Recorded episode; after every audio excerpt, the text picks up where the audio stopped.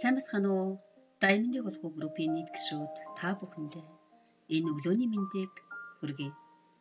Эрэгтэй хөхөн өсөхгүй байх 100 зөвлөмжийнхаа 18 дахь дугаараар уулзж байгаадаа баяртай байна.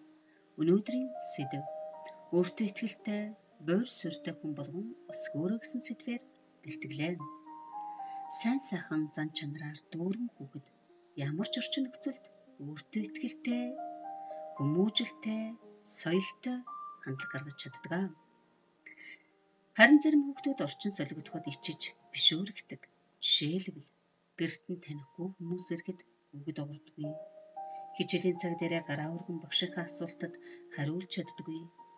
Найзуудынхаа өмнө авьяасаа үзүүлж зөргөлтгүй тохиолдлууд их байдаг. Ичимхий хүүхэд сайн дураараа бусдтай харилцаа үүсгэхийг ихэнхдээ хүсдэггүй бөгөөд бусдтай дотносгоос айдаг ноцтой өвчнөд болох тохиолдлууч байдаг. Тиймээс эцгийнх нь хүүхдээ ичимхий бүрэг байдлаас нь гарахт нь туслан дэмжиж өгснөөр хүүхэд өөртөө ихтэй, соёлтой, манлайлагч болон өсөх болно. Нэгдүгüрт нь ичимхий бүрэг хүүхэдтэй уурлалгүйгээр зэрэг зүүлж өгөөрэй. 7 настай чин чин өхний ээж нь түүнийг дагуулan гарах хүртээ урдчлан захидаг байлаа. Таньдаг хүнтэйгээ тааралдвал зоригтойгоор мэдлээрээ хэмээн захина. Гэвч өхөн таньдаг хүнтэйгээ тааралдах үедээ нүгэр бүрүүлээд нөгөө хүн нь мэндэлсэн ч хариу мэндчлэгээ үл хийдэг байлаа. Олон үедээ ийм үйлдэл хийх бүрт нээж нь адган яарад манай өхөн хитрхи бүрг ичимхий хэмээн тайлбарлана. Гэртээ иргэн ирээд байнга л охиндоо уурлаад чи яхаараа хүнтэй мэдчилж чаддгүй юм бэ? Үнэхээр ичмээр юм а гэж үгэлнэ. Эцэгчүүд хүүхдүүдийнхаа ичимхий бүрэг байдлыг хараад огт уурлаж болохгүй. Харин сайтар дэмжиж туслах хэрэгтэй. Жишээлбэл ингэж болох юм. Миний охин том болжээ. Тэр их чинь чамд бусдаас илүү сайн байдаг болохоор миний охин хурдхан очоод мэдтэлж байгаарай. Гэх мэтээр дэмжиж өгснөөр хүүхэд аяндаа нийтж нээлттэй хүүхэд болох болно. Хоёрдугаарт нь ухамсарын төвшөнд хүүхдийнхээ зөрг зөргийг дасгалжуулаарай. Ерөнхийдөө бүр гिचмхий хүүхэд зэрэг муутай байдгаас гадна өөрөө биедээ ямар нэгэн ажлыг хийх гэж оролддоггүй.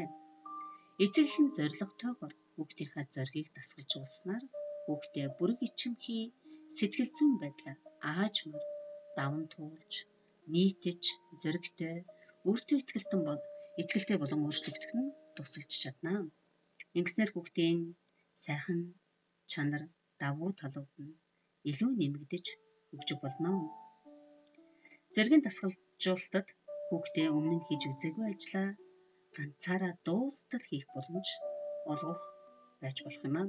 Жишээлбэл дэлгүүрээс худалдаа авах хийхдээ хүүхдэрээ тооцоо хийлгэх эсвэл хүүхдтэй хөршийг өсөх юм зээлж авчруулах гих мэт хэлбэр ажлуудыг даалгаж болно. Иймэрхүү жижиг сажиг ажлуудаар дамжуулаад зүрх зэргийг нь дасгалжуулаад өөртөө ихтэй итгэх итгэлийг нэмэгдүүлснээр хүүхэд ичид зовх сэтгэлгээгээ хаягт нь тусалж чадах болно.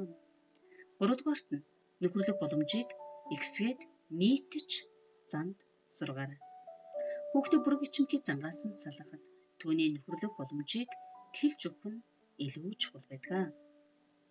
8 настай Ив там бүрэг ичимхий зантай болохоор танихгүй хүнтэй танилцах, харилцахаас зайлсхийдэг байсан.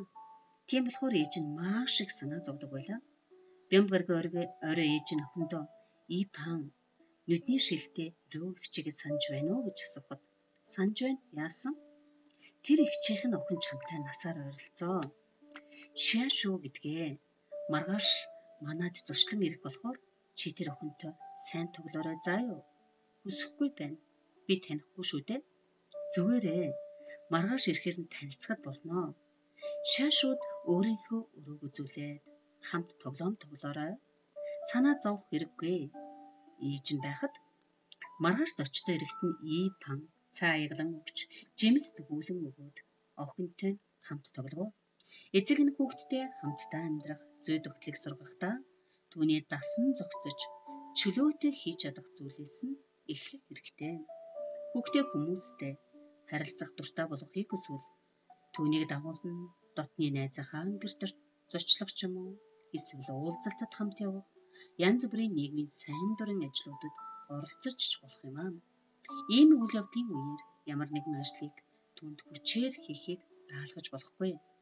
Эхлээд хүүхдээ танихгүй орчинд дасан зогцож бусад хүмүүстэй харилцаа үүсгэхэд нь дэмжлэг үзүүлснийхаа дараа тохиромжтой үед хүүхдийнхаа үг, үйлдэл дээр нь илүү нийтж байдалтай байхад нь таарах зүйлгүй өгч болох юм аа. Өгөр өнөөдрийнхөө подкастыг өндөрлөе. Дараагийн подкастаар уулзтлаа түр баяртай. Анхаарал тавьсан сонссон та бүхэндээ чин сэтгэлээсээ талархлаа илэрхийлье.